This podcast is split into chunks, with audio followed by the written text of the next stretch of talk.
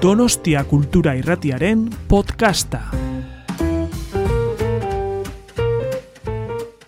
Duriko gauza batera, Donostia Kulturaren laguntza santolaturiko hitzaldi honetara, eta batez ere ba, fetxa hauetan etorri izanagatik. Unas fechas eh, tan familiares que nos han permitido que esté con nosotros eh, Urquia, que es la corresponsal de ITV en Asia-Pacífico. Eh, Olatz, onguietorri. Bai, eskerrik asko.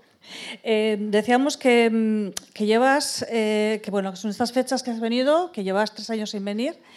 Eh, tú llevas siete años, si no me equivoco, en, en China, un país que, que, decíamos que está lleno de tópicos o tenemos muchos estereotipos de un país.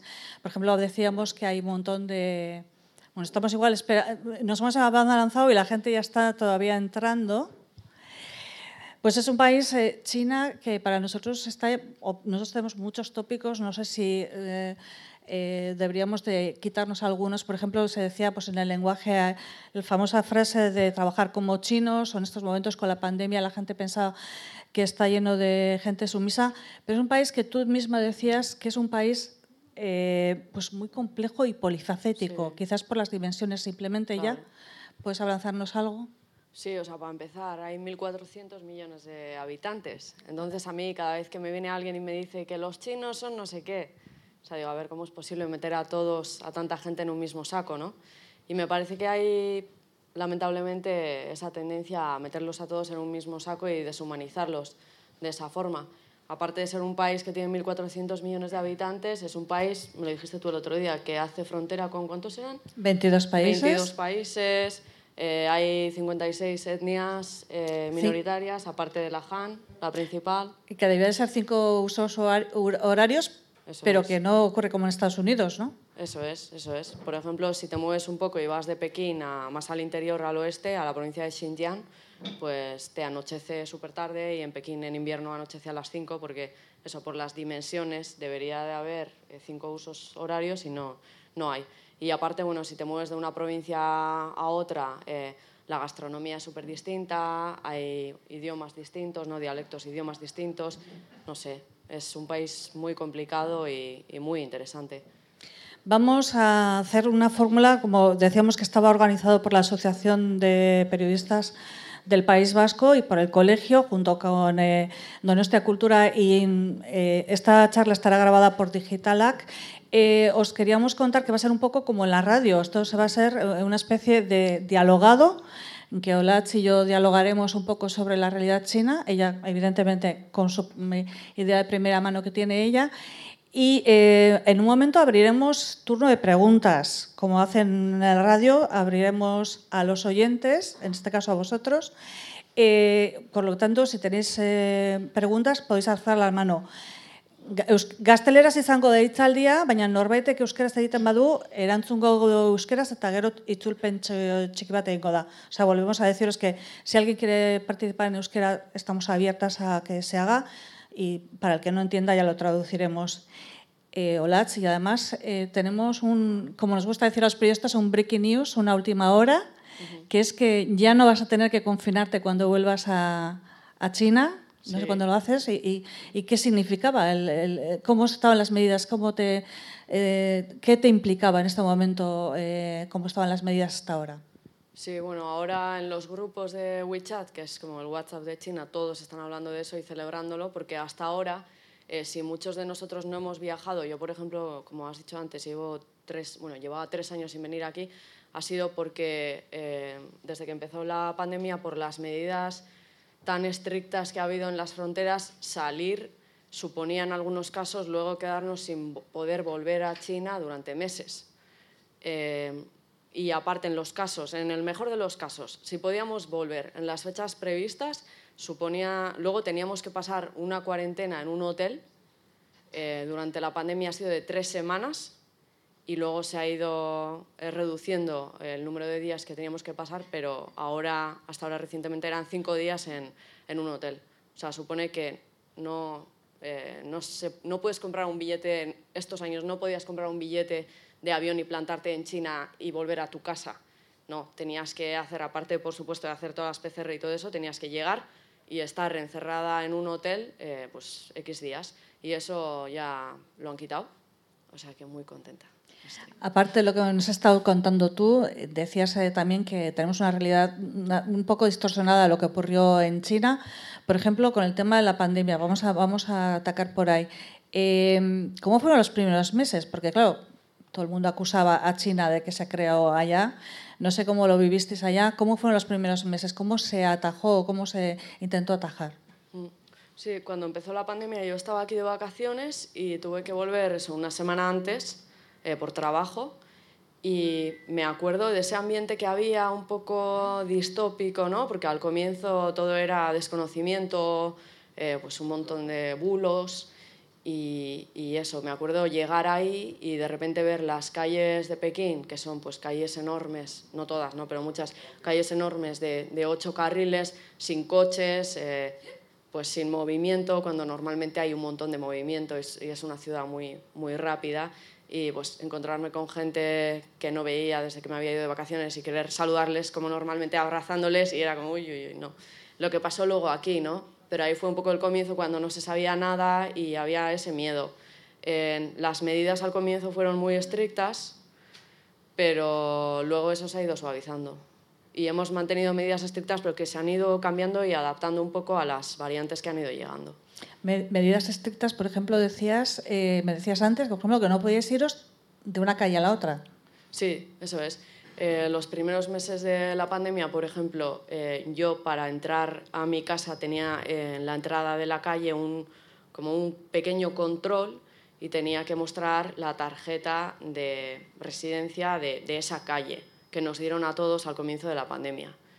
estaba todo, por supuesto, cerrado entonces no podíamos quedar con amigos eh, en los bares o en los restaurantes, pero tampoco les podía invitar a casa. Estábamos muy, muy aislados. Pero tengo que decir que normalmente se tiende a exagerar y a dramatizar todo, sobre todo en los medios de comunicación, ¿no? Y la realidad es que, eh, bueno, hacíamos a veces mini trampas para poder soportar esa situación y bueno, a veces el control era estricto, pero a veces no tanto. Y eso fue al comienzo de la pandemia. Luego ya abrieron las calles, eh, pero con la llegada de la Omicron, por ejemplo, llegaron otras medidas nuevas, por ejemplo, tener que hacer la PCR todos los días, todos los habitantes. Por ejemplo, en Pekín, desde abril hasta ahora hemos estado haciendo la PCR todos los días y en algunos momentos ha sido cada dos días. Mm. Tenías también, contabas que cuando fuiste a Wuhan, a la vuelta, por ejemplo, te, eh, tuviste que hacer un confinamiento de cuánto tiempo, aunque no estabas contaminada.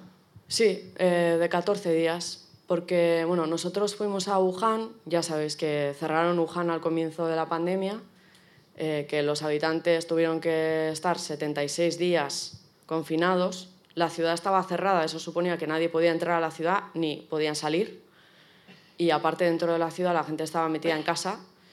Y como se consideraba zona de riesgo, los que entramos a Wuhan, eh, luego al volver teníamos que hacer cuarentena. Yo tuve suerte y me dejaron hacerla en casa, no tuve que hacerla en un hotel, pero eso, para poner un ejemplo de cómo son las cuarentenas, eh, cuando llegué de Wuhan nos vinieron a buscar a la estación de tren en autobuses, con todo preparado y con, obvio, todos los trabajadores con el buzo blanco y eso, nos llevaron a cada uno al hotel o a sus casas, te meten, te ponen un detector de movimientos en la puerta, todos muy majos y todo eso, pero bueno, te ponen el detector de movimientos y, y te quedas ahí 14 días sin salir.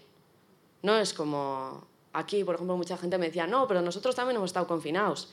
Y era, no, no, no, pero no es lo mismo, porque no, no podíamos salir, por ejemplo, a pasear al perro a hacer la compra, nada, es de verdad confinamiento 14 días.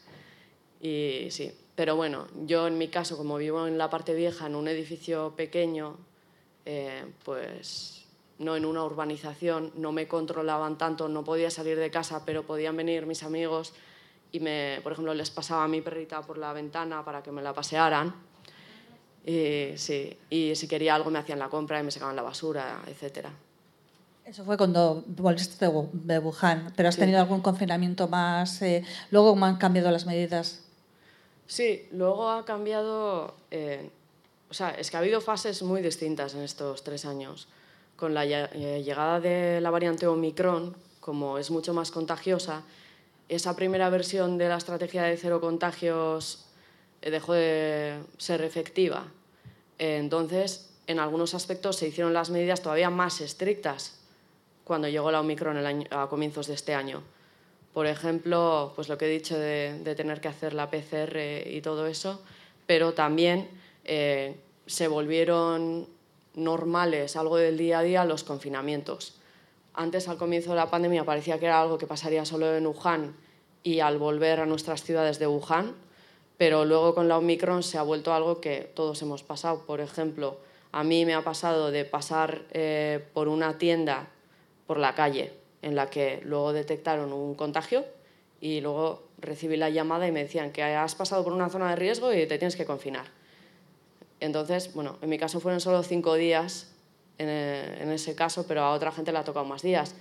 Lo del eh, contacto cercano, mm, ahí se entiende de otra forma. Pasar por, un, por una tienda donde ha habido un contagio o, o lo que sea ya es motivo suficiente para que te confinen. Bueno, ha sido, Confinamiento y además, como decías, con, cada día con una PCR, ¿o no? Sí, sí, sí. Por supuesto, si te confinan tienes que hacer la PCR. Por ejemplo, a mí me vinieron a casa a la puerta para hacer la PCR.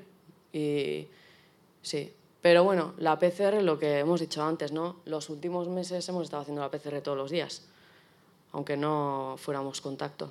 tengo que decir que, que no ha sido un drama hacer la PCR todos los días, porque era gratuito y en la ciudad, por ejemplo en Pekín, hemos tenido, han construido como casetas de PCR por toda la ciudad. Literalmente yo salía de casa y si caminaba hacia un lado, da igual hacia qué lado, cinco minutos ya tenía una caseta para hacer la PCR. Y ahí, si ibas en un momento, en el momento adecuado, pues te, eh, te evitabas una cola larga, estabas ahí, nada, cinco minutos, dejas los datos, te hacen la PCR y adiós y se actualiza en el sistema, en la aplicación especial que han creado para todo esto y con ese resultado negativo podíamos hacer vida normal. Si no teníamos ese resultado, de, en, algún, en algunos momentos ha sido 24 horas y en otros de 48, no podíamos entrar a ningún lado, a una urbanización o a la oficina o a una tienda o a ningún lado. Por eso todos hemos estado haciendo la PCR todos los días. Cuando estábamos hablando de los primeros momentos, eh, el hecho de que os confinaran, el hecho de que, como decías tú, que no podríais ir ni de una calle a otra, ¿qué ha supuesto? Que esas medidas, eh, ¿cómo se han reflejado en, la salud, digamos, en, si ha habido contagios o no? O... ¿Cómo ha afectado a la vida de la gente? Sí, primero, sí, primero un poco las medidas si efectivamente fueron positivas eh, o efectivas. Sí si se, evitó la extensión de la pandemia y luego exactamente cómo, cómo, cómo se vivió los primeros momentos. Sí, bueno, sin duda fueron efectivas, porque, bueno, eso está claro, ¿no?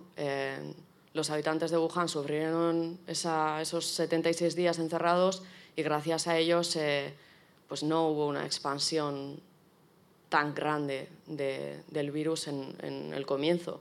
Eso dio también una, sensación de seguridad, quizás, ¿no? Claro. Sí, porque al principio, lo he dicho, al principio había un ambiente así de esto que es, una distopía, todos con el buzo blanco, no sé qué. Pero luego ya, cuando, cuando se extendió al resto del mundo y nos llegaban también desde China las noticias de pues, todas esas cifras ¿no?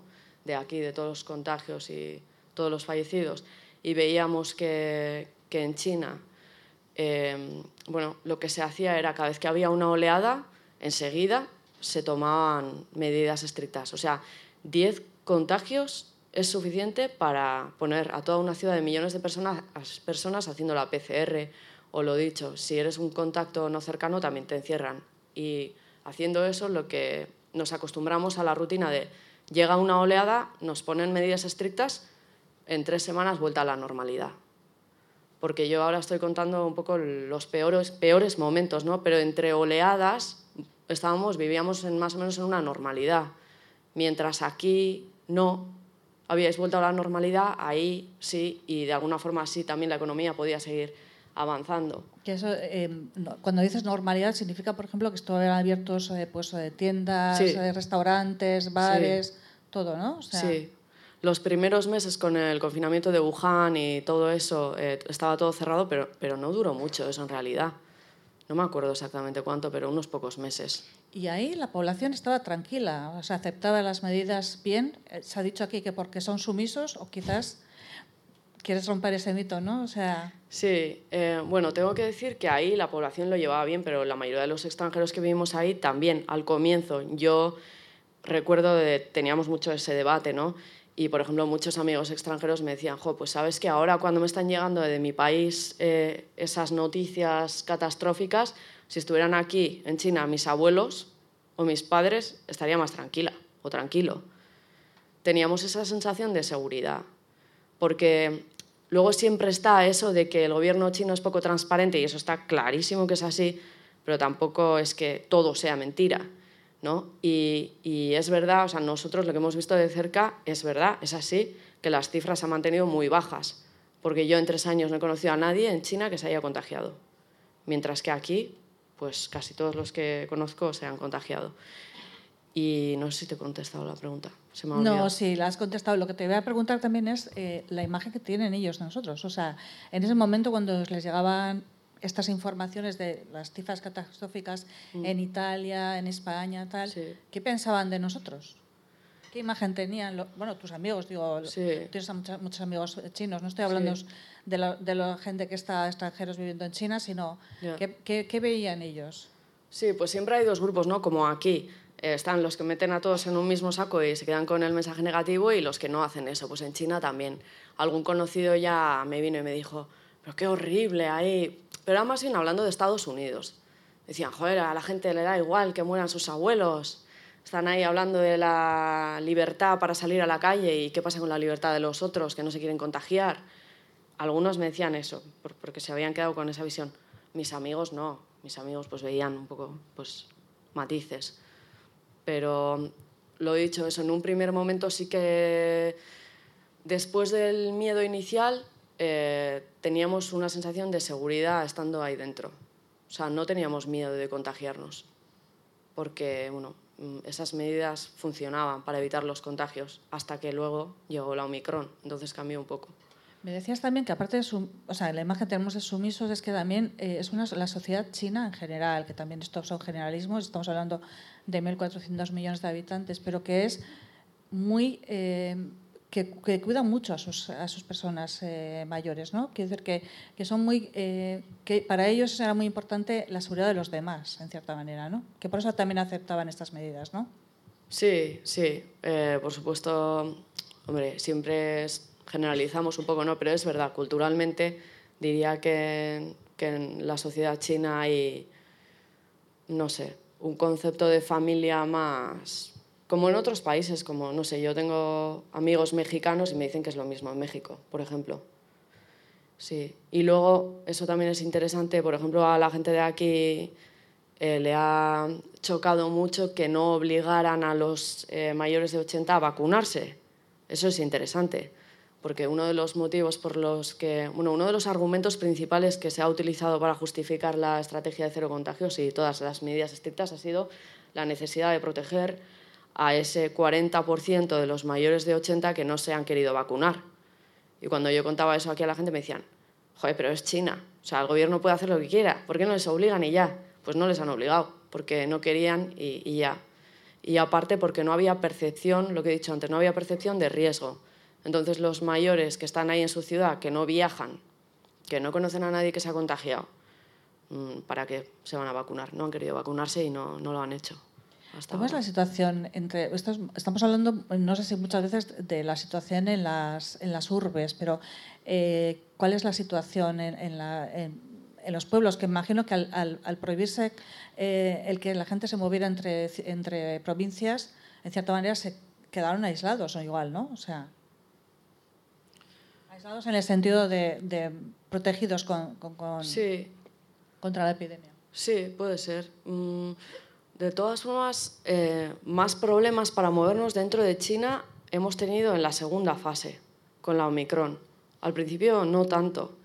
era más difícil salir y entrar al país, pero dentro más o menos nos podíamos mover. Pero es verdad que siempre ha sido así. Por ejemplo, si en una ciudad, o sea, por ejemplo, si viajas dentro de China y en la ciudad o en la aldea o donde sea que, que estés, hay unos pocos casos, ya en la aplicación te sale el código rojo eh, que has estado en una zona de riesgo y luego igual te quedas sin poder volver a tu ciudad durante unos días. Entonces, tienes razón, igual eso durante toda la pandemia ha habido menos movimientos y, se han quedado más aislados. De todas formas, em, en, las zonas rurales la situación eh, pues, sanitaria de los hospitales, etcétera, es por supuesto mucho peor que en las ciudades y ahí es donde está un poco el foco ¿no? de la preocupación de lo que va a pasar cuando aumenten las cifras de contagios. Y es también eh, uno de los argumentos que han utilizado otra vez para justificar esto. O sea, nunca lo han negado, está claro desde el comienzo, que, que en las zonas rurales no estarían preparados para hacer frente a, a una oleada de, de, muchos contagios y ingresos en los hospitales, sobre todo con la baja tasa de vacunación, y por eso se han mantenido Decías que el cambio sustancial ha sido la llegada de la variante Omicron cuando llegó a China y, qué, supuso, ¿Por qué, fue tan, tan cambio, tanto cambio. Sí, bueno, seguro que todos sabéis, eh, aquí se habló mucho de lo que pasó en Shanghai, del confinamiento de Shanghai, fue con la llegada de, la variante Omicron, porque antes de la llegada de Omicron eh, habían desde el comienzo habían adaptado un poco la estrategia para pues habían ido aprendiendo ¿no? cómo hacer frente a las oleadas y se había conseguido mediante las PCR masivas cada vez que había una oleada lo que he dicho de aislar a los contactos rastreo de los contactos cercanos muy rápido se había conseguido detener las oleadas muy rápido en cuanto empezaban pero con la Omicron eso cambió y en Shanghai por ejemplo pasó que no tomaron estas medidas eh, súper estrictas eh, inmediatamente y enseguida se descontroló y enseguida teníamos cifras de, no me acuerdo cuántas eran en el peor momento, pero varias decenas de contagios al día. Y son unas cifras que no hemos visto en China, no habíamos visto desde el comienzo de la pandemia hasta la Omicron. Entonces tuvieron que adaptar un poco las medidas y ahí empezamos con pues, lo que he dicho antes, ¿no? las PCR no, solamente PCR masiva cuando llegaba una oleada, sino todos los días para evitarlo. Y también lo que he contado de que pases de, eh, al lado de una tienda y te confinen, eso en la primera fase de la pandemia no se hacía. Eso ha sido algo que ha llegado con la Omicron. También en Shanghai vimos ya las primeras protestas, digamos, ¿no? que eran en su casa, porque el confinamiento eh, tenía unas consecuencias para la gente que estaba confinada, no solamente que estabas aislado, sino creo que, tú, que, que, no tenías la protección que, por ejemplo, se, se dio aquí. Claro. Sí, eso es. Porque también eso, lo que decía, ¿no? Al comienzo era más una sensación de seguridad y, bueno, mira, prefiero que cada vez que llegue una oleada se tomen medidas rápidas y estrictas y así volvemos a la normalidad más rápido. Pero luego con la Omicron, cuando se vio que, que no se podía frenar eso y que el confinamiento tipo Wuhan, que pensábamos que no pasaría otra vez, sí podía pasar, y además que no había ninguna ciudad intocable, como la gente, bueno, pensamos que Shanghai o Pekín serían intocables, y luego metieron, eh, confinaron Shanghai, y además fue un confinamiento más largo y más duro, bueno, no sé más duro, pero más largo que el de Wuhan, y con un montón de historias dramáticas en las redes sociales, que por supuesto llegaron aquí, de gente que se contagiaba, llevaban a un centro de estos de confinamiento y se quedaban sus perros en casa sin nadie que los cuidara. O... Centros de confinamiento, te refieres a los centros que ponía el gobierno en el que te llevaban y te dejaban en una cama junto a otra persona eh, contaminada, por ejemplo, ¿no? Claro, es que eso es verdad, eso no lo he explicado y eso es importante, porque en China hasta hace poco en, si te contagiabas, a pesar de ser asintomático, te llevaban a un hospital o a un centro de, confinamiento. Estos centros de confinamiento los han construido, o bueno, a veces han sido pues, gimnasios o lugares así que han transformado. Eh, y bueno, simplemente, pues eso, si te contagiabas a pesar de ser asintomático, te llevaban a un sitio de estos y tenías que quedarte hasta que dieras negativo otra vez. Eso, por supuesto, que a la gente no le gusta nada. Que, te confines, o sea, que te contagies si eres asintomático, pero a pesar de todo, te llega a casa la ambulancia y te lleva a un sitio hasta que des negativo otra vez. Joder. y eso ha pasado cada vez más eh, con la llegada de la Omicron y la gente ha visto que eso iba a ser un poco rutina y al ver también paralelamente que en el resto del mundo la gente empezaba a convivir con, con la pandemia y, y que los, bueno, la mayoría de la gente que se contagiaba era, pues, los síntomas eran más leves, la gente ha empezado a tener más miedo a las consecuencias que a la enfermedad en sí con la Omicron. De todos modos, decíamos cuando lo te preguntaba por el confinamiento es lo que suponía, por ejemplo, económicamente, porque me decías que, claro, que en China no existen los seres que hubieron aquí, ¿no? O sea, es decir, que si te confinaban, te arriesgabas a perder el, eh, el, trabajo. Claro, sí, eso es. Yo conozco a mucha gente que, que ha perdido el trabajo porque, pues eso, les han confinado y estos confinamientos se pueden alargar mucho. Por ejemplo, aquí se habló mucho de lo de Shanghai, pero ha habido otros eh, muchos confinamientos, por ejemplo, en Urumqi, en la provincia de Xinjiang, o en Huohot, en Mongolia Interior, y muchos más. Y han sido confinamientos de ciudades enteras que han durado, no sé, tres meses. Esos tres meses de, pues imagínate quedarte tres meses sin poder ir al trabajo eh, supone quedarte tres meses sin cobrar. En algunos casos, algunas empresas sí han dado unos mínimos, pero no están obligados. Entonces, eso, pues gente que se queda tres meses sin el sueldo y que tiene deudas que pagar, pues ha sido bastante difícil. ¿Y cómo se arreglaban? Porque creo que, o sea, si no tenían esa, esa ayuda, digamos, estatal, ¿cómo se arreglaba la gente? Bueno, pues lo que dicen es que la gente ha tirado mucho de los ahorros y pues se ayudan entre ellos y etcétera. Sí. Y luego, bueno, en lo que respecta a los jóvenes, yo sí he visto un, un cambio de actitud un poco, pues, no sé, hasta ahora parecía que quedarse sin trabajo era un drama, ¿no? Había un poco de miedo a ese momento, porque hasta ahora ha habido muy poco desempleo en China y parecía que eso que no tenía por qué pasar. Pero ahora con la pandemia muchos jóvenes decían, mira, pues he perdido el trabajo, pues mira, y no me ha pasado nada, estoy unos meses sin trabajar, estoy bien y luego voy a encontrar algo. Y, Pero las cifras después de esta Omicron eran espeluznantes bueno, para China, imagino, un 6% creo, ¿no? ¿Cuánto era?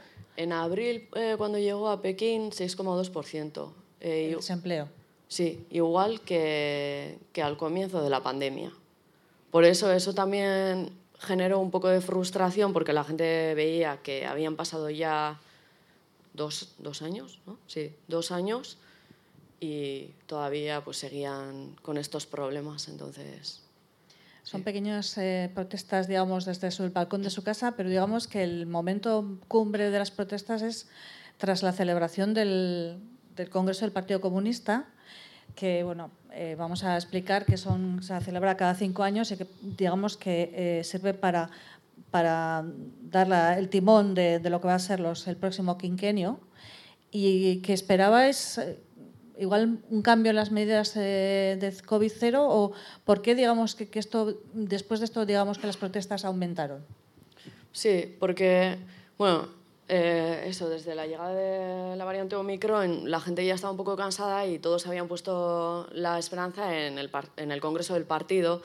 En octubre, en este Congreso, todos sabíamos que Xi Jinping iba a alargar su mandato eh, y, bueno, esperaban... Bueno, además, el primer ministro Li Keqiang ya llevaba varios meses diciendo que la estrategia de cero contagios no era sostenible, que no se podía mantener esa situación porque había que proteger a la gente, pero la economía también, etc. Entonces todos pensábamos que Xi Jinping, habiendo asegurado su mandato y teniendo esta presión cada vez más grande para relajar las medidas, sería el momento de la gran noticia de se ha acabado la estrategia de cero contagios y no llegó esa noticia. Xi Jinping en su discurso de apertura volvió a subrayar que gracias a la estrategia de cero contagios se habían salvado muchas vidas y dijo que todavía era necesario mantenerla. Entonces ya yo me acuerdo ahí en octubre que ya se sentía ya un cansancio psicológico, ya la gente estaba ya, es que ya no puedo más. O sea, porque es que además lo que lo, peor es el no saber hasta cuándo se va a alargar la situación porque cada vez que confinan una ciudad, por ejemplo, es ciudad confinada hasta nuevo, nuevo aviso. La gente no sabe cuánto tiempo se va a quedar así. Y con las medidas lo mismo. Eh, PCR diario, eh, todos los días, hasta nuevo aviso. Entonces la gente no podía decir, bueno, venga, voy a aguantar un año más y ya. Y la gente empezó a decir, esto no sé, igual se va a alargar un año más, igual se va a alargar tres años más. Ya la gente estaba cansada. Y por eso ya al final ¿Y en qué han consistido? Bueno, eh, hemos tenido muchas imágenes, pero eh, solamente se hablaba, solamente se protestaba por el, porque las medidas no se, eh, se, digamos, se decaían o había algún germen más que, iba en la protesta. Sí, bueno, las protestas de ahora, de finales de noviembre, comienzos de diciembre, surgieron. Bueno, la gota que colmó el vaso fue un incendio que hubo en un edificio de Urumqi, en Xinjiang en este incendio... Perdona, eh, cuando tú mencionas esto, esto es donde está Minoria Urgu, ¿no? Sí, eso es, sí. Eh, bueno, en la ciudad de Urumqi llevaban como tres meses confinados y hubo un incendio en un edificio en el que murieron diez personas. Y luego empezaron a denunciar que el problema había sido que los bomberos no, han podido, no habían podido llegar a tiempo eh, por, las, por el confinamiento, porque había alguna eh, barrera o algo. Y también la grúa que utilizaron para apagar el fuego no llegaba, en las imágenes vimos que no llegaba a la ventana el agua. Y entonces la gente pues empezó a, ya, pues se enfadó. Y además algún responsable, algún responsable se le ocurrió hacer el comentario de, no, no, no, pero en, esta, en este edificio no estaban del todo confinados, no era zona de riesgo, y si ha pasado esto es porque no conocían las pautas a seguir en caso de incendio o algo así. Y entonces, claro, ya los mm, habitantes ya, no.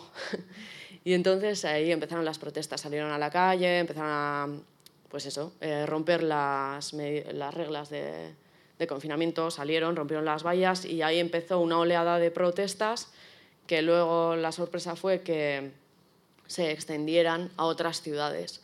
Eh, después de lo que pasó en Urumqi, en Shanghai hubo una vigilia por, los, por las víctimas del incendio que desencadenó en protestas y luego en otras ciudades, en distintas provincias, en Guangzhou, luego en Pekín también.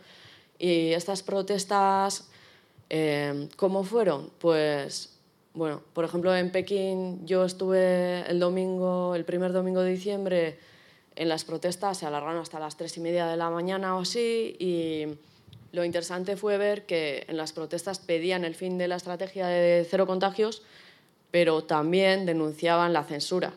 Seguro que visteis en las imágenes que la gente, los manifestantes llevaban hojas blancas y, eso a mí, bueno, nos explicaron que, que querían representar todas esas palabras que decían y borraban inmediatamente.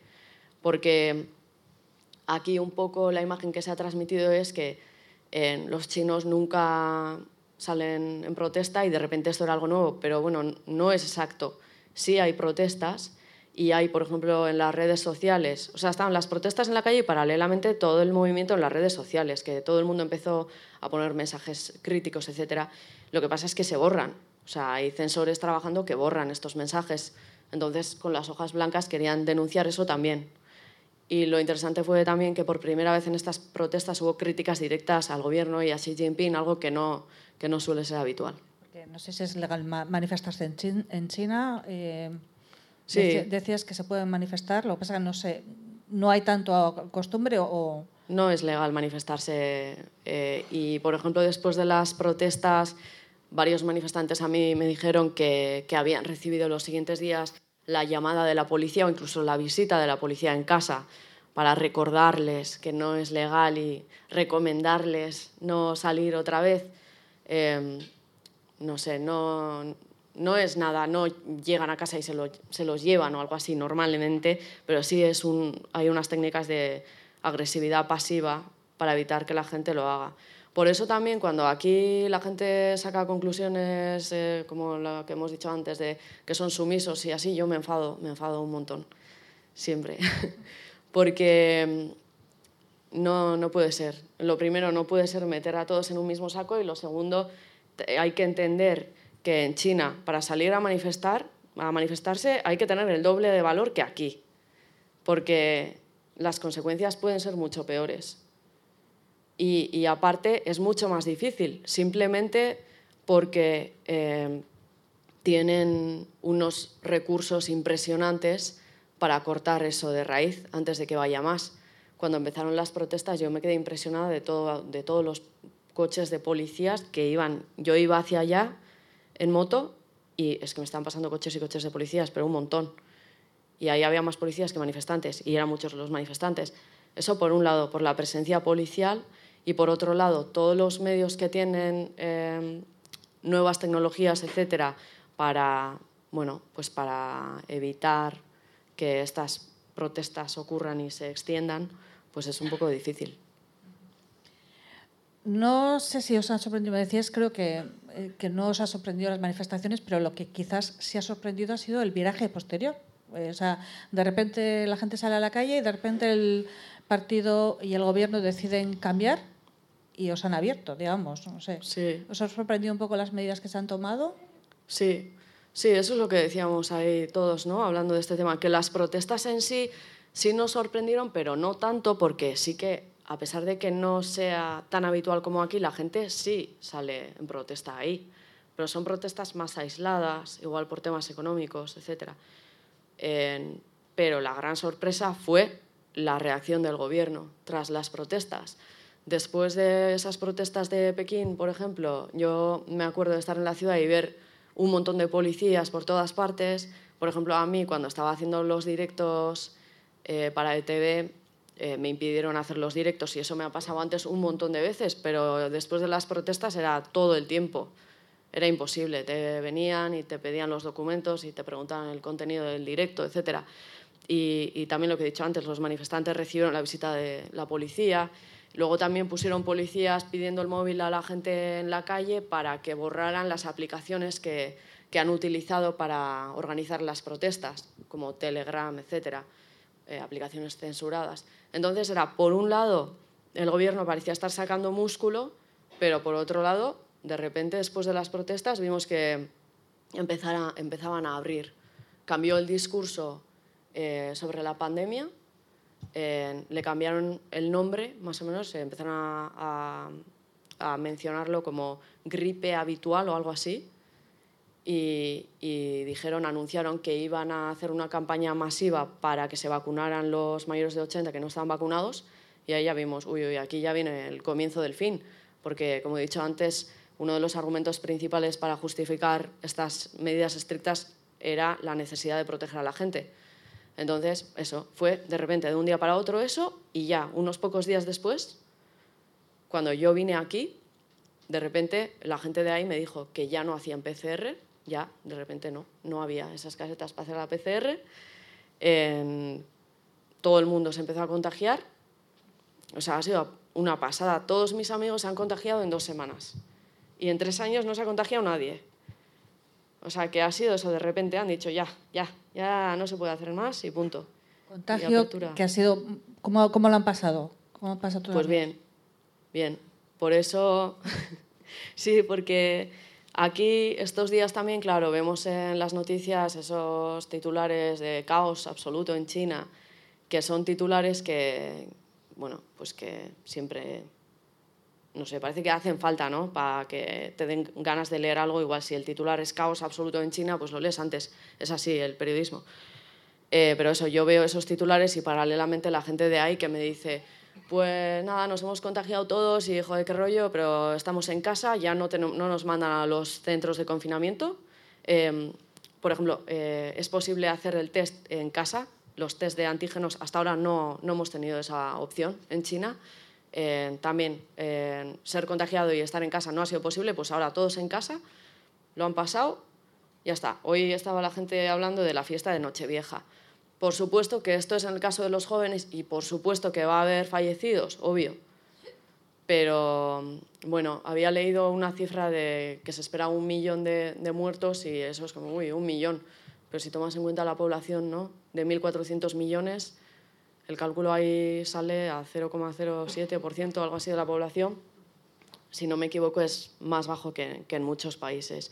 O sea que ahora, por supuesto, que va a haber dificultades, pero que no es el drama absoluto. O sea, no es eso lo que perciben desde ahí. Justo lo contrario, la gente está contenta porque ya parece que está terminando todo.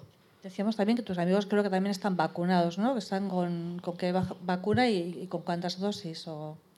Sí, ahí tenemos, bueno, yo tengo dos dosis de Sinopharm, una vacuna china, y luego cuando llegué aquí me puse la tercera la Pfizer y mis amigos de ahí eh, lo mismo, tienen todos eh, dos, dos dosis, casi todos, y muchos la tercera de Sinopharm o Sinovac. Hablando de eso, aquí se dijo que había un poco de reticencia a esa vacuna. No sé si es, es cierto o, o es la perfección o, al final bueno, optes por ponerla por si acaso. Sí, eh, bueno, dicen, hay cifras de que la efectividad de la Sinopharm, por ejemplo, es más baja que, que las que os habéis puesto aquí. Creo que decían el 70% y será así, pero bueno, lo que está claro, y eso es lo que dicen los expertos, es que no es inútil eh, por supuesto que es mejor tenerla que no tenerla. Y se ha visto ahora toda la gente que yo conozco que se ha contagiado, pues eso, lo dicho, tienen síntomas, pero no nada del otro mundo. Yo antes de abrir el turno de preguntas, quería hacerte una preguntita más con el tema de la economía, porque no sé si una de las cosas que se decía que por qué habían decidido, bueno, creo que lo has mencionado también, que el, el primer ministro hablaba de que esto le estaba afectando a la economía. Eh, decíamos, por ejemplo, que al principio de la pandemia eh, digamos que, que, China trabajó normal, eh, pero que ya, ya se notaba ya en los últimos confinamientos y que le habían perjudicado a la economía. No sé si hay datos de eso, más o menos, o, o cómo, cuando, cuando se dice trabajar normal, ¿qué significaba, por ejemplo? Sí, al comienzo eso, se consiguió mantener un ritmo más o menos normal. Por ejemplo, en Shanghai, eh, pues el puerto trabajó y hubo comercio internacional normal hasta que entró en confinamiento. Pero, bueno, lo que hemos dicho antes, ¿no? Se consiguió mantener cierta estabilidad porque había periodos cortos de, de cierre y luego otra vez apertura.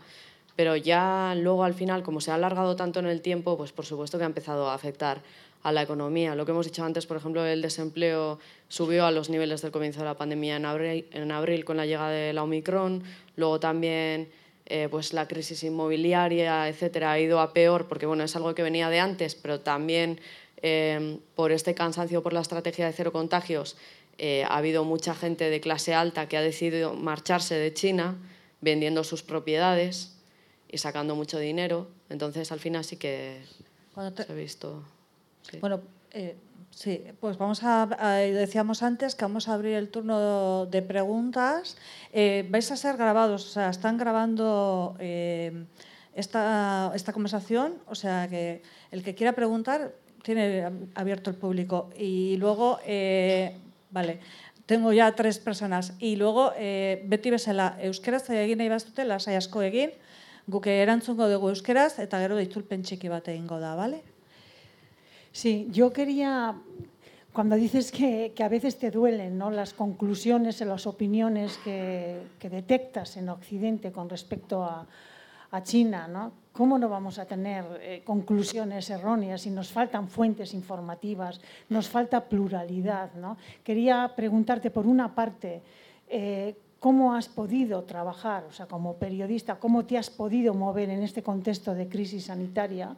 Eso por una parte. Y luego, más allá del COVID, en un contexto de guerra, quería eh, también que nos contaras cómo está viviendo la opinión pública china, el pueblo de China, la gente, el público, eh, la guerra, teniendo en cuenta de que esto, más allá de, una pelea entre Ucrania y Rusia, en el fondo es una pelea geoestratégica entre Estados Unidos o entre China. ¿no? Si ellos son conscientes de que están incluidos, están viviendo también esa guerra de otra manera. Vale, me has hecho varias preguntas, seguro que se me va a olvidar alguna, pero si se me olvida, por favor, dime. Pero primero, para empezar, tienes razón que es difícil no tener una visión un poco más plural cuando la información que nos llega no es plural, pero bueno, yo diría que si se mantiene una actitud abierta, a mí, por ejemplo, si me hablan de un país que no conozco en absoluto, eh, simplemente evito, o sea, aunque yo no tenga información, cuando me hablan de, gente de ese país, evito sacar conclusiones generales, meter a todos en un mismo saco y, por ejemplo, si me habla, si leo algún medio que, siempre me dice todo negativo sobre ese país o todo positivo, no me fío. Creo que es eso. Y luego, em, el trabajo de periodista en situación ¿Me has preguntado, no? Durante la pandemia. Durante la pandemia. El trabajo de periodista durante la pandemia, por supuesto, ha sido más difícil. Y bueno, no solo durante la pandemia. Para nosotros eh, hemos visto un cambio eh, muy grande desde que yo llegué a China hace siete años ahora. Eh, por ejemplo, la pandemia es verdad que se ha utilizado para, como excusa para ponernos trabas a la hora de hacer nuestro trabajo. Eh, por ejemplo, pues, de estar intentando hacer preguntas a la gente y que te vengan y te digan, no, no, es que no puedes grabar aquí por la pandemia. Y ha sido muy difícil trabajar en ese aspecto. Y luego, eh, lo de la guerra, ¿cómo se ha vivido desde China? pues yo creo que bueno, la gente que yo tengo alrededor lo ha vivido un poco como la gente que tengo alrededor aquí, con sorpresa y con desagrado, como viviría en cualquier guerra, creo pero ya más a otro nivel, por ejemplo, pues entrevistas que he hecho a politólogos, etcétera, es verdad que sí insistían en esa idea de que al final, pues detrás de todo está Estados Unidos, eh, el imperialismo, la mentalidad de, la Guerra Fría, etcétera, y esas ideas también se han escuchado mucho ahí, en China como en Rusia, como entre amigos rusos que tengo en China también me decían lo mismo, pero en general la sociedad diría que, que lo ha vivido pues como, como muchos de nosotros, con desagrado. Todo contestado, ¿no? Eh, el señor primero. Buenas tardes. Simplemente un comentario. Cuando estalló el, el COVID en Wuhan, tantos millones de personas, se estalla y solo 2.500, 3.000, 4.000 personas contaminadas. Y aquí nos estalla y bueno, o sea, no me lo puedo creer. ¿Vosotros solo creíais o qué, qué, qué transmitíais? A ver, ya, entiendo. Nunca os he oído criticar diciendo, es imposible, no puede ser. A nosotros nos estalla en las manos y a ellos no nos estalla. Y precisamente es allá donde nace el COVID. Sí, es lo que he dicho antes, que, que siempre tenemos esa idea de que todo lo que llega de China es mentira y en muchas cosas es, es verdad que es mentira, pero no siempre. Y en ese caso concreto, los que hemos estado ahí, sí nos resulta creíble, porque es lo que, eh, lo que he dicho antes, ¿no? que no se puede comparar con las medidas que se han tomado aquí. Es que no, no tiene nada que ver. Aquí teníais, cuando estabais confinados, podíais salir a pasear al perro o etcétera. Los contactos secundarios no se confinaban, no se aislaban, no se hacían PCRs todos los días, no se rastreaba los contactos como se ha hecho en China. En Wuhan fue una locura, fue, detectaron unos pocos casos y encerraron a todo el mundo. Es verdad que puede que no sean las cifras, no sé hasta qué punto, o sea, yo no puedo saber eso, son exactas, el 5.200 y pico fallecidos, no lo sé, pero no creo que hubiera eh, de forma intencionada eh, eso de ocultar las cifras. Además, eh, según por donde lo mires, tampoco tendría sentido porque precisamente cuando ha habido problemas y ha habido más críticas por la estrategia de cero contagios, el problema principal ha sido que no se percibía ese riesgo. Si hubiera habido más cifras de contagiados o más cifras de muertos, igual hubiera sido más fácil eh, justificar esas medidas estrictas.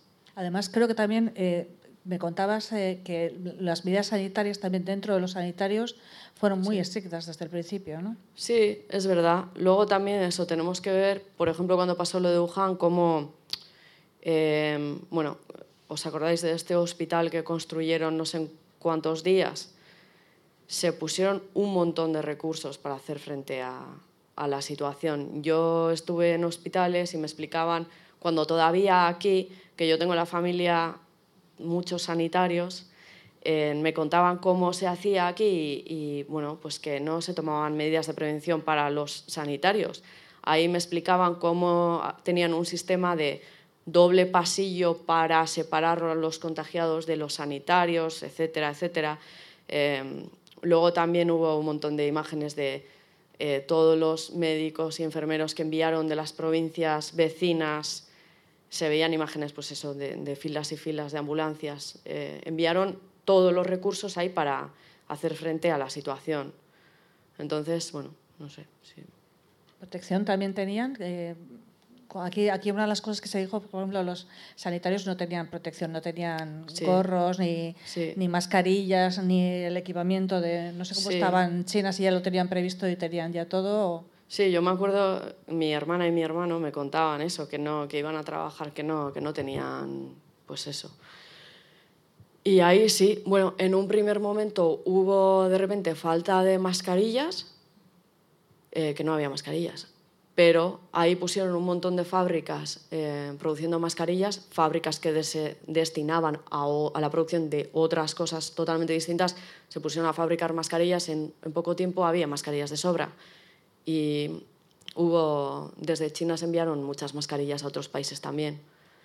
Es que en China es así, ¿no? Al ser tan grande y tan, con tantos recursos, cuando ponen la atención en algo, pues igual eso, en un momento hay carencia de mascarillas, pero de repente es que no, ya lo contrario. Si decide el gobierno, por supuesto que no siempre lo hace, ¿no? Pero cuando decide poner la atención ahí donde hace falta, pues se reacciona rápido. Vale, pues yo tengo una pregunta un poco relacionada, pero me gustaría que contestaras contextualizando en la era pre-COVID. ¿ok? Yo a lo largo de mi carrera profesional he tenido, no sé, bueno, la suerte me ha tocado currar con muchos eh, chinos, supongo que de, de distintos lados en China.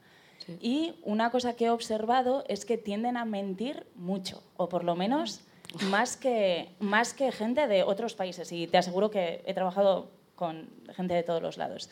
¿Cómo lo ves tú?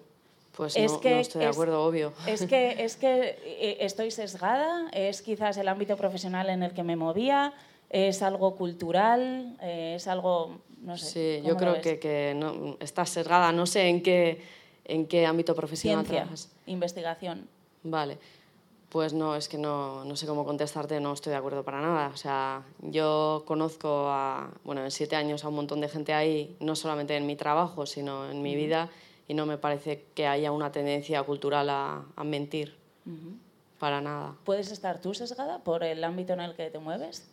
Eso, eso es de lo que me acusan cuando intento ser neutra, precisamente. Es que me lo pregunto yo, ¿eh? por eso te lo Sí. pregunto también. Igual porque estoy en ese ámbito, tal, conozco chinos de cierta clase. No, no, no sé. creo que esté sesgada porque yo, bueno, sí, has visto mi trabajo, en- cuento las cosas críticas cuando las hay, por ejemplo, si hay violación de derechos humanos o lo que sea, o cosas que oculta el gobierno, yo soy la más crítica con el gobierno, pero cuando hay algo positivo también lo cuento.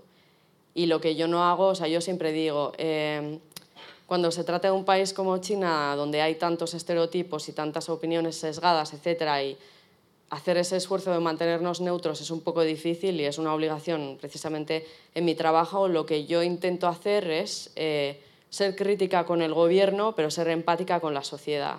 Y sacar conclusiones así como que los chinos mienten, me parece que no, no puedo estar de acuerdo con eso. Eh, bien, bien, eh, pero entonces te parece que mm, culturalmente no hay ninguna razón que ah, empuje a ciertos chinos de ciertas clases o ámbitos a quizás eh, sentirse cómodos diciendo una verdad incómoda. No, no. No sé ya cómo rizar No, más el rizo. no lo vale. creo. Yo voy a aportar un poco porque mm, re- precisamente por una serie de cosas he conocido a, a dos mujeres chinas eh, recientemente y curiosamente una me decía por otra, me decía, porque ya sabes cómo son los de esta provincia. Entonces, no sé también, como decíamos yo, son 1.400 millones de habitantes y claro, eh, eso significa que seguramente algunos son, o sea, quiero que te puedes encontrar de todo tipo, ¿no? O sea, creo que es esto.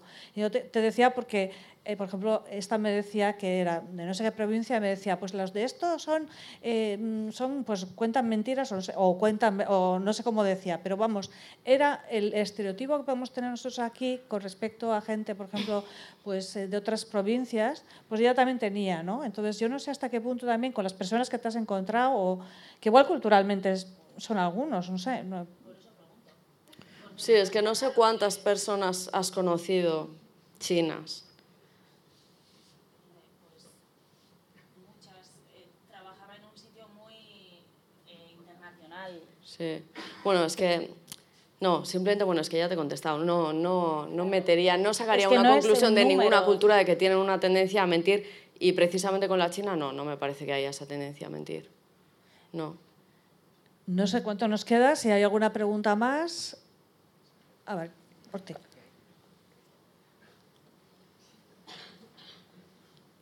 Hola, buenas tardes. Hola. Bueno, primero muchas gracias por tus reportajes en ETV que siempre son eh, muy interesantes. Es que de casco. Eh, te quería hacer una pregunta eh, respecto a tu trabajo porque eh, siempre es muy difícil acercarse a los medios de, de comunicación chino por la barrera idiomática. Mm. Entonces, mm. a ver si nos podrías brevemente comparar la pluralidad periodística en China con la pluralidad que tenemos aquí, sin, sin sesgos, ¿eh? o sea, porque es Sí, sí. muy difícil para nosotros eh, conocerlo. Gracias. Sí, bueno, eh, los medios en China, por supuesto que, que están muy... No hay pluralidad o libertad de expresión. No sé si te refieres a eso. Sí, sí, por supuesto. Ahí hay un medio principal, el CCTV, que está completamente controlado por el gobierno y... La, la televisión pública china. Sí, la televisión pública china. Y bueno, es un grupo grande que tienen como no sé cuántos canales, 15 o 20 canales, eh, en también en distintos idiomas. Eh, bueno, entonces, por supuesto, tienen muchos medios ahí para pues, tener una herramienta para hacer propaganda. Y sí, eh, no, no hay mucha opción si se quiere hacer seguimiento de las noticias. Lo que pasa es que hay, yo siempre digo, una cosa es la realidad del Partido Comunista y de todos esos círculos, por ejemplo, los medios controlados por el partido, y otra cosa es la realidad que ves ¿no? en las ciudades con la gente. Porque, por ejemplo, eh, CCTV es pura propaganda, pero es que la gente no ve la tele. Ahí, sí. Entonces, los, esos mensajes de la propaganda del partido llegan, bueno, eh, por supuesto, en las zonas rurales eh, llegan más que en las ciudades.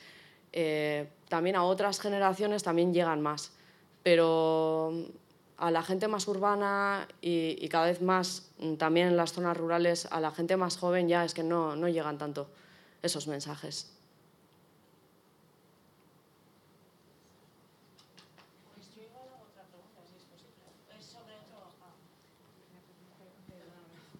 Sí, eh, te quería preguntar sobre el tema del crédito social. ¿Qué nos podías contar?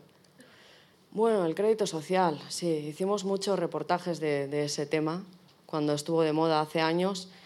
Eh, no sé si los demás os acordáis, pero era un sistema por el que, bueno, decían que, se iba a recoger información de la gente, eh, pues actividad bancaria, eh, comentarios que habían hecho en las redes sociales, y, y se iba a crear un sistema de acumulación de puntos eh, y luego, dependiendo de los puntos que tenían, pues iban a tener, por ejemplo, eh, más dificultades o menos dificultades a la hora de mm, pedir una hipoteca o, o moverse dentro del país.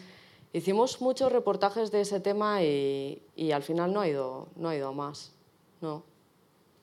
No, se ha convertido en, un, en algo normal. O sea, quiero decir, eh, pf, no sé, pues como una forma de, por ejemplo, a la hora de pedir una hipoteca o algo así, pues una forma de, tener más información, lo mismo que aquí cuando pides una hipoteca, ¿no? Y tienes que mostrar unos papeles, pues un poco lo mismo.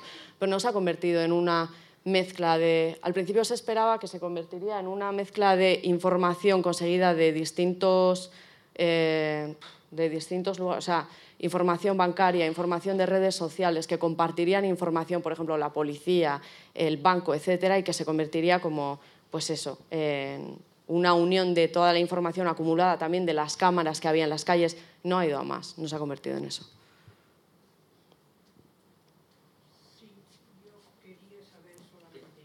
Ahora en China las personas que están infectadas tienen que ir a trabajar, les obligan a ir a trabajar, no les dejan quedarse en casa.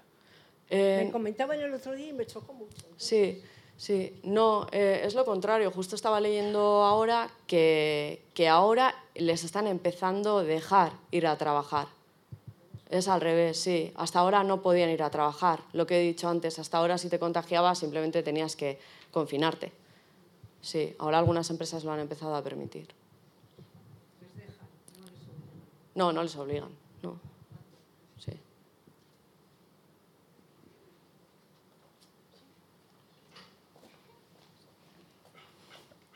Vale, pues igual es otro estereotipo, pero allá va. Eh, estoy ahora, eh, vivo en el, cerca del mar, en un sitio costero de buceo y así, ¿no? Y en el centro de buceo donde suelo bucear nos vienen muchos, mu- bueno, gente de todos los lados y chinos también. Y hay una cosa que se comenta en el centro de buceo y es que muchos eh, chinos que vienen eh, no saben nadar y de hecho se sienten muy, muy incómodos en el agua, ¿no? Y yo me pregunto eh, por qué tienen ese ímpetu en hacer cosas que no disfrutan porque se les ve que no están disfrutando y muchas veces da la sensación de que es porque quieren conseguir el carné de buceador, ¿no? Entonces, ¿hay alguna... ¿Por qué, ¿Por qué tienen esa ansia de conseguir algo como para decir que lo tienen? Es algo, perdón, y me doy cuenta, o sea, según lo estoy diciendo, sé que esto se puede aplicar a muchas personas de muchas nacionalidades, ¿eh? pero me ha llamado la atención en el caso de los chinos que llegan al centro. Vale, o sea, bueno, a ver, para empezar, eh, bueno, yo buceo, me gusta mucho bucear. Mi expareja era monitora de buceo, china. O sea, así, mira, te voy a regalar una anécdota personal. Entonces, no sé a qué chinos has conocido aquí en el centro de buceo, pero yo he conocido a un montón de gente ahí que bucea y, no, y bueno, saben nadar, eh, no tienen ningún ímpetu de, no sé, como lo has dicho, de sacarse el título, simplemente les gusta bucear. Sí, o sea que no... Entonces, pues, además hay una cosa que, una anécdota que contaba eh, Olas que me contaba es cómo, cómo al final, eh, a pesar de todo eh, y de hacerle frente, han, tenido, intentan, han intentado eh, tomarlo con humor, en cierta manera. ¿no? Me decías Sí. que, por ejemplo, la gente, bueno, aquí también se hizo durante la temporada, pero quiero decir que con la gente le daba la vuelta. A, a- si no te dejaban hacer una cosa, pues hacías otra, ¿no? Sí, sí, eso me ha parecido muy positivo ahí con la pandemia, eh, ver cómo, pues eso, por ejemplo, yo qué sé, eh, que nos empezaban a, no sé, en el tiempo libre, si vamos a clase de salsa, por ejemplo, eh, y nos cierran el gimnasio donde vamos eh, y la gente se quedaba sin poder bailar salsa, eh, bueno, pues cogía el altavoz y se iba al parque a bailar. O, por ejemplo, que cerraron los gimnasios y la gente no podía hacer deporte, se crearon un montón de grupos, esto digo en Pekín, pues para ir a correr juntos al parque. Cuando cerraron los bares y las discotecas, se generó como una nueva tradición que antes no había en Pekín, como aquí un poco de beber en la calle, antes eso no se veía, no se veía mucho ahí. Pues ahora con la pandemia la gente empezó a, ir a una zona que está al lado del río en Pekín, eh, pues para estar ahí con la gente, para socializar. Entonces sí, ha sido bonito ver cómo la gente ha intentado eso, lo que dices, tomárselo con humor y, adaptarse para sobrellevar la situación lo mejor posible y creo que lo han conseguido bastante bien. Yo quería ya acabar, no sé, ha quedado todavía, quedan dos preguntas más, no sé, no, no- no sé ni cuánto tiempo. ¿Qué hora es? Espérate, digo. Las siete y media. Es, que ricasco. Eh, yo te quería preguntar un poco más por el tema político eh, con la reelección de, bueno, no sé si es el vocabulario correcto, pero reelección de Xi Jinping eh, y cómo la sociedad civil ha reaccionado a eso. La gente está politizada y comenta el tema. Eh, se siguen las diferentes facciones dentro del partido, es algo que queda muy lejano para bueno, en los círculos en los que tú te has movido y bueno, cómo, cómo, cómo es la, la reacción un poco de la sociedad, ¿no? Si siguen bastante cerca lo que ocurre en el gobierno, es algo que les queda un poco lejano. Sí, no, es algo que queda bastante lejano. Ahí, ahí, por ejemplo, cuando hacen los congresos del partido, pues están las reuniones a puerta cerrada, eh, pues ahí toman las decisiones los delegados del partido y luego se hace una votación eh, abierto a los medios que suele ser siempre unánime porque son simplemente como la puesta en escena de, de las negociaciones que, que han tenido a puerta cerrada. Entonces la gente como bueno, la gente suele, es un poco lo que decías, de tomárselo con humor. Respecto al partido y la reelección de Xi Jinping, eh, si tú vas ahí a China y no tienes contacto cercano con la gente, te da la sensación de que, de que les da igual, pero eh, luego si conoces a gente ves que en los círculos sociales de la gente o en las redes sociales hay un montón de, bromas, un montón de ironía. Eh, entonces ves ahí esas críticas, pero sí que tienen la sensación de que no es algo que pueden impedir. Está claro que Xi Jinping pues, eh, ha montado una estrategia desde, desde hace décadas eh, que se ha ido librando poco a poco de sus enemigos, de las facciones más críticas a él o las que no le gustaban eh, dentro del partido y no es algo que la gente perciba que, puede, que pueda cambiar. Yo voy a aprovechar, eh, antes de dar el paso a la otra pregunta, voy a aprovechar que creo que te comenté antes de preparar esto, es que a mí me llamaba, por ejemplo, se, se decía, los analistas estaban mirando la feminización de, del Partido Comunista Chino, más que del partido de las élites del Partido Comunista Chino, porque ahora ya eh, es que mm, han ido para peor. O sea, eh, antes creo que de 25 había, había un 25% de mujeres miembros del Partido Comunista Chino, pero luego la élite no se nota, no hay un reflejo de eso. Y ahora incluso creo que en el Polígono no hay nadie, no hay ninguna mujer. Sí. ¿Es un reflejo de la sociedad o es otro, otro tipo de...? Sí, es lo que decíamos antes un poco, mm, que en el partido, bueno, yo diría que no es reflejo de la sociedad, en el partido pues ves eso, o sea, todo, todo hombres, no hay ni una sola mujer, eh, pero luego en la realidad, en cambio, ves que no es así. O sea, en la realidad las mujeres, eh, por supuesto, defienden sus derechos, eh, no sé, tienen las libertades, hay un montón de, por ejemplo, también desde el punto de vista de, la homofobia, etcétera, es lo mismo, ¿no? Si, si ves un poco los mensajes eh, oficiales y, la actitud del gobierno, eh, que, no sé, prohíbe cualquier programa con contenido LGBTI en la televisión, pero luego sales a la calle y ves, pues ahora mismo me están mandando una fiesta eh, mis amigos de ahí, pues de todo, pues hay fiestas LGBTI, eh, un montón de, movimientos, un montón de, no sé, un montón de oferta, más que aquí, diría yo, más que en Donosti. Entonces sí, no me parece que, que sea un reflejo de, la sociedad. Había otra pregunta, ¿no? ¿Había otra pregunta por ahí? Sí. Bueno, sí, eh, no sé si se me escucha, ¿no? Un segundo, un segundo, un segundo te, pasa el micrófono enseguida. Territoriales, eh, hablando un poco del tema de Taiwán, por ejemplo, a ver hasta qué punto ves en tu entorno que la gente está dispuesta a meterse en una guerra por, eh, por digamos, por lograr que, que Taiwán eh, vuelva a, ser, a pertenecer a la China continental en este caso, o por ejemplo todo lo que son las islas ¿no? que rodean, eh, que están en el sur de la China, ¿no? que, China ahí se ha establecido en todas ellas. Todo esto, ¿cómo ven eh, estas reivindicaciones territoriales o la ampliación del imperialismo chino? ¿Cómo lo ves en el entorno tuyo o en la política en general? Sí, bueno, por ejemplo, hoy justo desde Taiwán eh, denunciaban que ha vuelto, ha habido eh, otra vez una incursión de, aviones militares chinos, ¿no? Eh, que ha habido 71 aviones que se han acercado a Taiwán. desde la visita de Nancy Pelosi a Taiwán en agosto, la tensión ha empeorado con Taiwán y, y ahora justo en el G20, cuando se reunió Xi Jinping con Biden, parecía que se iba a suavizar esto eh, tras meses de, conflicto que ha habido, de tensión, en el que muchos, eh, hasta ahora, yo creo que la opinión general en China era que no, por favor, que por supuesto no va a haber una, una guerra con Taiwán, eso sería llevarlo demasiado lejos y no, no se va a hacer. Pero ha habido un cambio desde la visita de Nancy Pelosi, cuando ahí empezaron a, bueno, pues a aumentar eh, las pruebas militares muy cerca de la isla Luego, con el G20 y la reunión de Xi Jinping y Biden, pareció que se suavizaba esto y los dos eh, aseguraron que no iban a ir a más. Eh, Biden quiso subrayar una vez más que, que, está del lado de China continental en ese aspecto y que no reconoce Taipei, pero eh, ahora enseguida, bueno, el viernes pasado anunciaron una ley para, para dar más ayuda militar a Taiwán en el caso de que bueno, sea necesario y entonces Pekín ha vuelto a reaccionar pues, enviando más aviones militares. Entonces, eh, es difícil saber lo que va a pasar y, yo creo que la sociedad ahí tampoco no tiene una idea fija de, lo que va a pasar con Taiwán, pero viendo lo que ha pasado últimamente, pues que es un... aumenta la tensión, dan un paso atrás, aumenta la tensión, no sé, la gente ya no sabe qué esperar.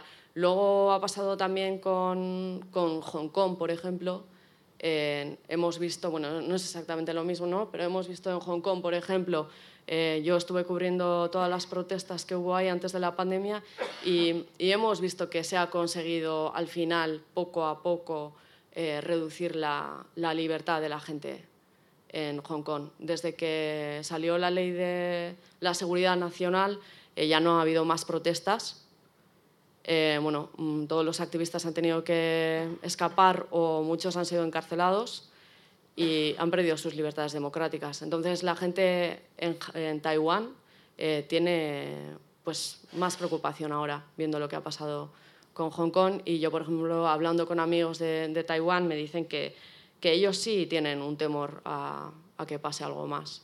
Pero bueno, no hay que ver. ¿Y los de, Chino, los de la China continental, de alrededor tuyo, por ejemplo, qué opinan de la, de la tensión con Taiwán? Pues eh, los que tengo yo alrededor esperan que no pase nada, pero no sé si hemos dicho antes que sí que hay una percepción general. Por ejemplo, en las manifestaciones, eh, muchos a mí me decían, tenemos que tener cuidado porque no sabemos de lo que son capaces en el gobierno. Sí hay un poco esa percepción general. También, por supuesto, eso es ir lejos y eh, hacer, bueno, sacar conclusiones un poco de cosas que no tienen nada que ver, pero sí queda todavía la sensación de, por lo que pasó en Tiananmen y el hecho de que todavía el gobierno no lo admita y no pida disculpas, eso le da a la gente una sensación de, pues eso, que no saben hasta dónde pueden llegar las autoridades. Si hubieran pedido disculpas, ahí te da otra sensación, ¿no? Pero si no piden disculpas, no sabes de qué son capaces. Entonces sí que siento un poco en la sociedad eh, pues esa sensación de espero que no vaya más, pero, pero quién sabe. Cuando estábamos preparando esta charla hablábamos de estereotipos. No sé, tú decías que había algunos estereotipos que ha derribado esta pandemia. Eh, por ejemplo. Bueno, eso quiero creer. Pero yo creo que con el comienzo de la pandemia sí que hubo un aumento de la sinofobia, clarísimo, eh, pues con todo eso de culpabilizar, culpabilizar a China y esa tendencia culpabilizar al gobierno, pero también a los chinos. Y ellos, culpa de qué tienen, ¿no? Además que están ahí aguantando una cuarentena de no sé cuántos días. Eh, también hubo, no sé si os acordáis, eh, bastante movimiento en las redes sociales de, con el hashtag yo no soy un virus. Eh, de esa forma quisieron denunciar, por ejemplo, la, el racismo que sufrieron los chinos y los asiáticos en general en el resto del mundo al comienzo de la pandemia. Entonces, al comienzo eh, hubo algo muy negativo, eh, pues esa xenofobia que salió un poco a la luz, pero al mismo tiempo creo que el hecho de que saliera de forma más clara esa xenofobia dejó al descubierto esa xenofobia interiorizada y no todo el mundo, pero quiero creer que mucha gente se ha vuelto más consciente de eso y ha cambiado un poco la visión, como que la gente ha intentado pues no ir a blancos y negros al hablar de China. También al estar China tanto en el foco estos últimos años, aunque fuera por un tema negativo, indirectamente se le ha prestado más atención. Y a la hora de hacer periodismo, eh, por supuesto que todos hemos visto un cambio. Por ejemplo, cuando yo llegué hace siete años, pues eh, estaban los editores, algunos, eh, que siempre te pedían temas de, pues hazme un vídeo sobre los abuelos que bailan en el parque o o los chinos que van a echar la siesta al Ikea, o los chinos que son no sé qué. Y, no se le daba mucho espacio, por ejemplo, a otros temas más políticos, o cuando había un conflicto internacional siempre se hace la reacción de Estados Unidos, pero no se prestaba atención a la reacción china cuando es la segunda potencia mundial, y eso en cambio ha cambiado ahora. Ahora no se piden tanto los temas eh, coloridos de, de las abuelas en el parque y se piden más temas variados y, y se le da más atención de otra forma. ¿Eso también lo has notado en tus compañeros que llevan más tiempo en China o de los que otro tipo de, de compañeros extranjeros? Sí, eh, bueno, otros periodistas, otros corresponsales coinciden en lo mismo, todos decimos. Eh, al principio todos nos quejábamos de eso, ¿no? de que, joder, que nos piden siempre estos temas eh, muy, no sé, de color y ahora, pues eso, dicen que no, que hay otro interés. Bueno, podríamos estar hablando con, con Olach, porque estamos hablando de un país muy importante, muy grande, pero se nos acaba el tiempo. No sé si hay alguna última pregunta. Ah, espera un momentito que viene el micrófono. Espera, espera, espera un segundo, espera un segundo. Con una respuesta de dos palabras basta. Eh, yo creo que tenemos el comentario nuestro de que sabemos decir, trabajan como chinos.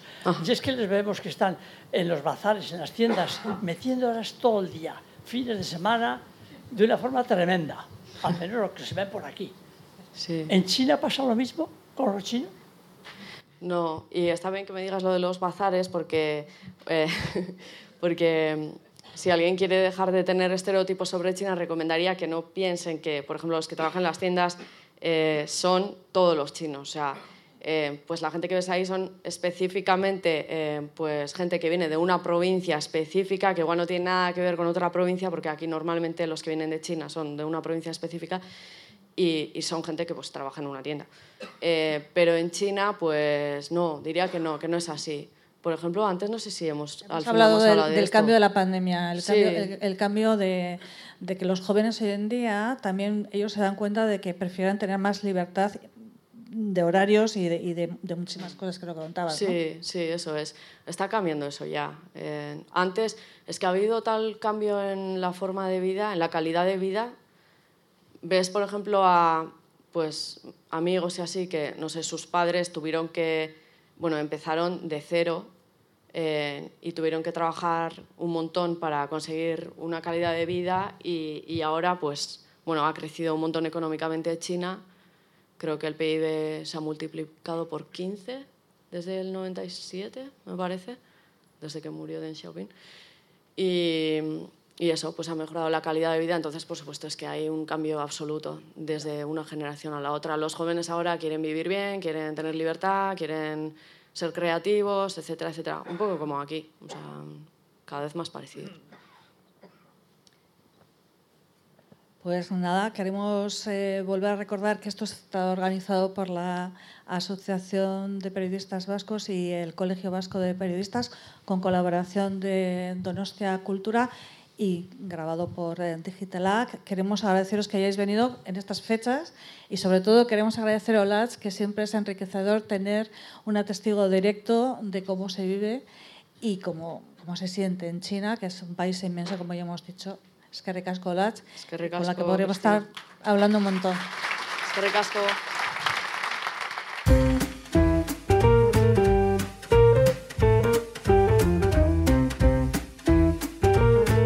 Donostia Kultura Irratiaren podcasta.